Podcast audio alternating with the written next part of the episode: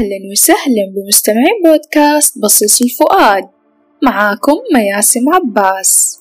هذا البودكاست يبث لكم من قلب مكة إلى العالم. نستشعر معا الرسائل الربانية وقصص الأولين وتجارب ملهمة نعيشها بتفاصيلها. وفي هذا الموسم نقدم لكم الفقرات التالية. صوت السطر سؤال للضيفة تجربة ملهمة. هذه الحلقة بالتعاون مع سماوة لفضاء الإنتاج.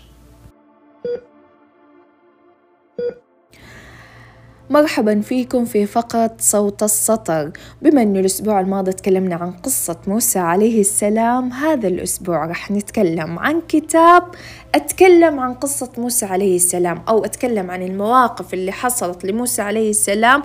واستخرج لنا دروس وقوانين ممكن نطبقها في حياتنا. الله عز وجل قال في كتابه الكريم لقد كان في قصصهم عبرة لأولي الألباب. كلنا نعرف أن قصص الأنبياء والأولين هي عبارة عن دروس لنا نتعلم منها. وفي كتاب أتكلم عن قصة من قصص الأنبياء وهو موسى عليه السلام واستخرج لنا من المواقف الذي حصلت لموسى عليه السلام دروس وقوانين نتخذها في حياتنا. الكتاب هو إلى الظل للمؤلف علي الفيفي. وعلي الفيفي ألف عدة كتب من ضمنها واللي قرأتها. لأنك الله الرجل النبيل رقائق القرآن. اللي حابب يعرف قصة موسى عليه السلام مرحلة الطفولة مرحلة الشباب قصته مع فرعون كل الأحداث موجودة في سورة القصص بالترتيب. راح أتكلم على ثلاثة قوانين ذكرها الكاتب ولو حابين تعرفوا باقي القوانين ممكن ترجعوا للكتاب. أول قانون آه طبعا من القوانين اللي ذكرها الكاتب واللي بذكرها حاليا آه قانون ثم تولى إلى الظل. موسى عليه السلام لما سقى للفتاتين ما طلب منهم ولا مقابل. فيقول المؤلف أن الإنسان إذا تشبع بالإسلام غدت المجانية صفة من صفاته أي كل ما قدم الشخص خدمة لأحد أو ساعد أحد أو عمل شيء بدون مقابل ليش؟ لأنه هو تشبع بالإسلام. وكل الأعمال اللي سواها يبتغي فيها وجه الله تعالى.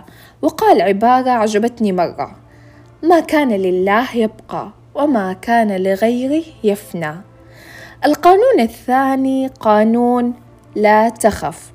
بعد ما قال موسى عليه السلام حكايته لشعيب وطبعا شعيب أبو الفتاتين وحكى إيش صار وإيش صار مع القوم وليش هو خرج من البلد رد عليه شعيب وطمن قلبه وقال لا تخف نجوت من القوم الظالمين. الناس في الحياة محتاجة من يطمنها ويطمن قلبها. مش محتاجة اللي يزيد همها همين. طبعا هنا شعيب قال لموسى عليه السلام لا تخف. ويوسف عليه السلام قال لأخيه بنيامين فلا تبتئس. محمد صلى الله عليه وسلم يقول لصديقه أبي بكر الصديق رضي الله عنه لا تحزن. وهذا هو منهج الأنبياء نشر التفاؤل. وطبعا قانون نشر التفاؤل هذا أهم قانون نطبقه في حياتنا ونخليه أسلوب حياة مو مجرد قانون وبس لا ويكون أسلوب حياتنا. في ناس ماخذة تخصصها إنها تكسر بقلب الشخص.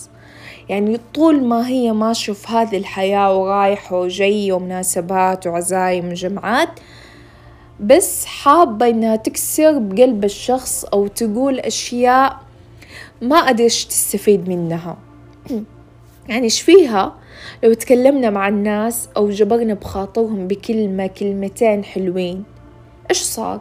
إيش حنخسر؟ مو إحنا لو كسرنا بقلب الشخص ولو الشخص دعا علينا هنا إحنا حنكسب ذنب وممكن دعواته حتستجاب فليش ما نحول ليش ما ننشر التفاؤل ننشر الإيجابية؟ أو لو لو مش حابين نتكلم في موضوع أو في كلام إيجابي نسكت. ما نقول شيء. هو لازم نتكلم ولازم يعني نقعد نكسر قلوب الناس ولا إيش؟ القانون الثالث هي عصاي. في قوله تعالى بلسان موسى عليه السلام قال هي عصاي توكأ عليها وهش بها على غنمي ولي فيها مآرب أخرى.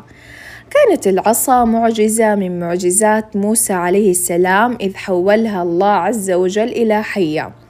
فقال الكاتب فحاول أن تمتلك عصا تحول طموحاتك وأهدافك إلى حياة. في حياة كل شخص عصا. ممكن تكون هذه العصا أبوك اللي يسندك أو أخوك اللي يساعدك أو شهادة تسهر الليالي عشان تلاقيها.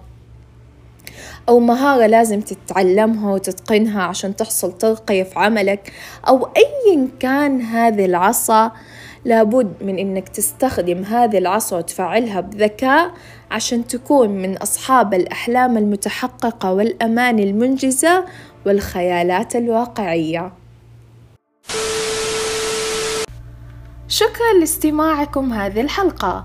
ألقاكم على خير في فقرة جديدة في الأسبوع المقبل. أستودعكم الله.